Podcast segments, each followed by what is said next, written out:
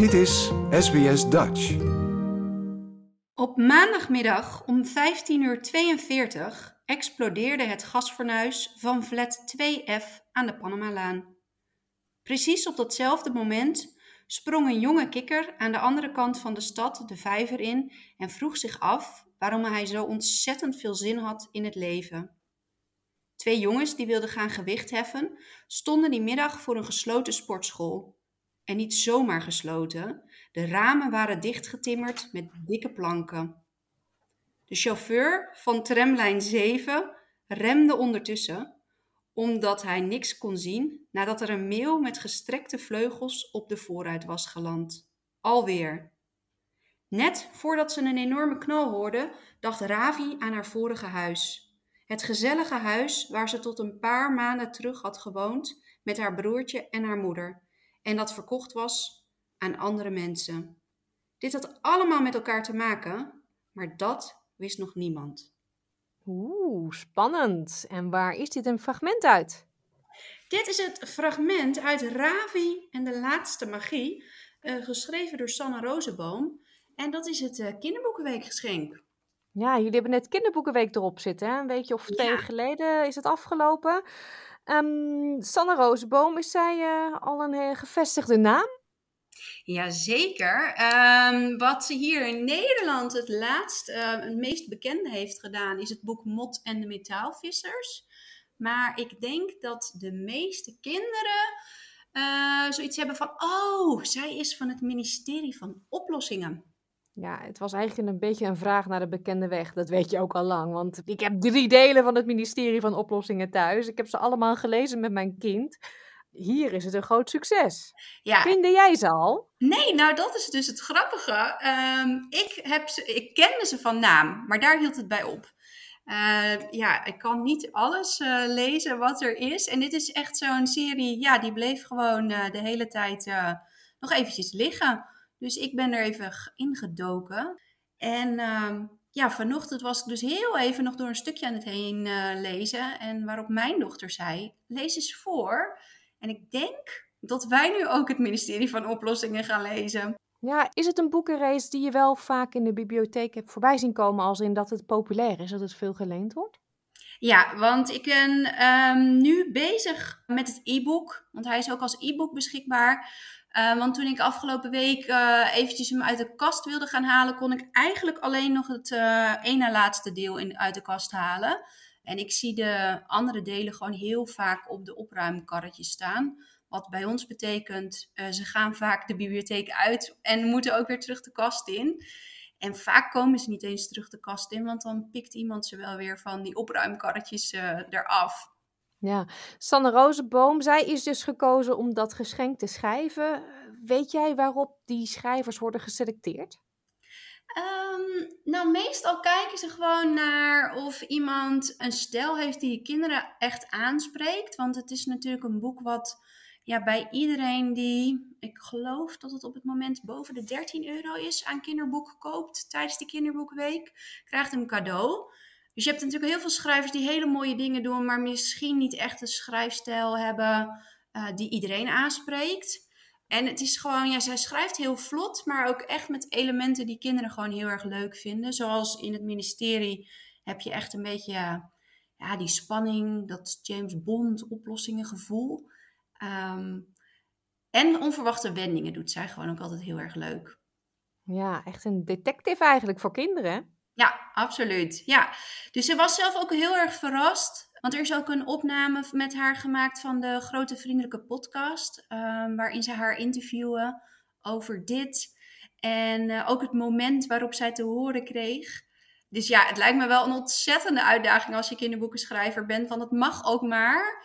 Nou, het, zij werken dan in, in aantal woorden. Maar ik geloof dat dit boek 96 pagina's heeft. En dan moet het wel een leuk verhaal zijn. Dus het lijkt me ook wel heel spannend. Mhm, Ja, laten we dieper duiken in die ministerie van oplossingen. Waar gaat het over? Ja, het ministerie van Oplossingen, eh, de hoofdpersoon van het verhaal is Nina. En zij is een eh, avontuurlijk meisje dat niet eh, stil kan zitten. En ehm, het begint eigenlijk allemaal met het moment dat zij een, een brief vindt. Geadresseerd aan het ministerie van Oplossingen. Nou ja, die staat niet op de adreslijst van alle ministeries hier eh, in Den Haag. En ja, dan gaat ze dus onderzoeken van wat er aan de hand is. En in die brief wordt hulp gevraagd aan het ministerie. Ja, al speurend komt ze er dus achter dat er ooit een ministerie van oplossingen was. En ja, die hielpen dus bij het oplossen van grote en kleine problemen. En uh, ja, daar wordt eigenlijk nieuw leven ingeblazen in het ministerie. Ja, spannend, want ze gaan dus mensen helpen die een probleem hebben, maar dat moeten ze allemaal in het geheim doen. Dat mogen ze niet laten merken dat zij dat zijn. Nee, inderdaad. En uh, in een van de verdere delen komen ze er ook achter van: hé, hey, maar werken voor het ministerie betekent ook dat je oplossingen moet doen in het geheim voor mensen die je misschien niet heel erg leuk vindt. Maar dan hoort het er ook bij dat je dat dan wel doet.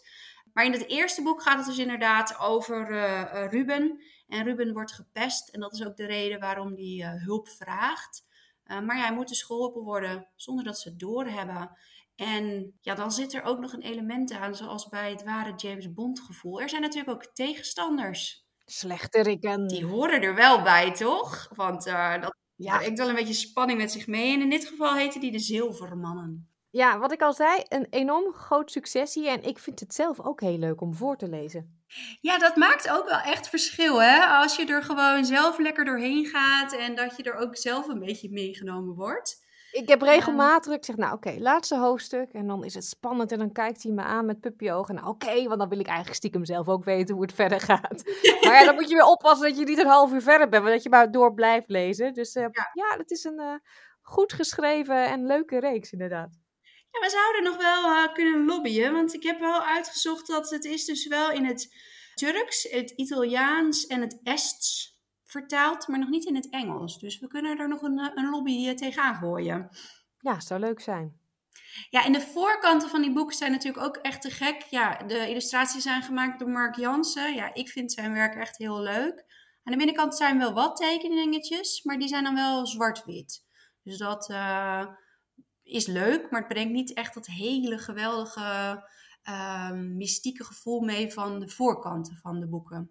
Nee, dit is wat ik gemerkt heb, echt een boek om na te luisteren. Dan zit er echt iemand naast mij, gewoon echt te luisteren wat je vertelt, in plaats van dat ze naar de plaatjes kijken. Ja. Vind ik juist wel leuk. Ja, dus dan is het inderdaad wel een goeie.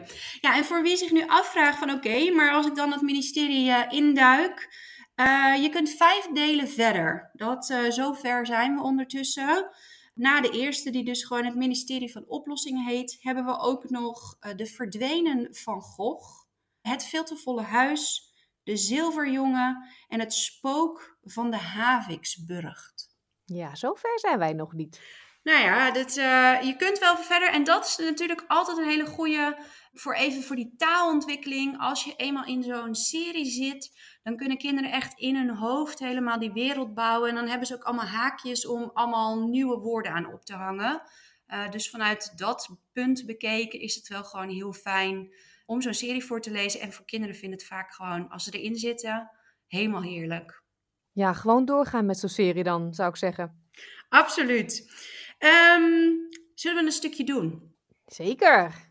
Dan gaan we beginnen met het allereerste begin van het allereerste boek. Een brief die gelezen moet worden. Nina had nog nooit eerder iets gestolen, zeker niet van haar vader. Maar nu moest het. Zijn tas stond naast de bank, open. Ze kon een randje van de brief zien. De tv stond aan. Vanuit haar ooghoek zag ze hoe een presentatrice van het journaal voor een jury ronddanste in een roze jurk. Maar Nina lette niet op. Ze wiebelde met haar tenen in haar iets te grote rode laarzen en staarde naar de tas. Ze wist dat ze die brief moest lezen, maar wie stilt er nou van haar eigen vader?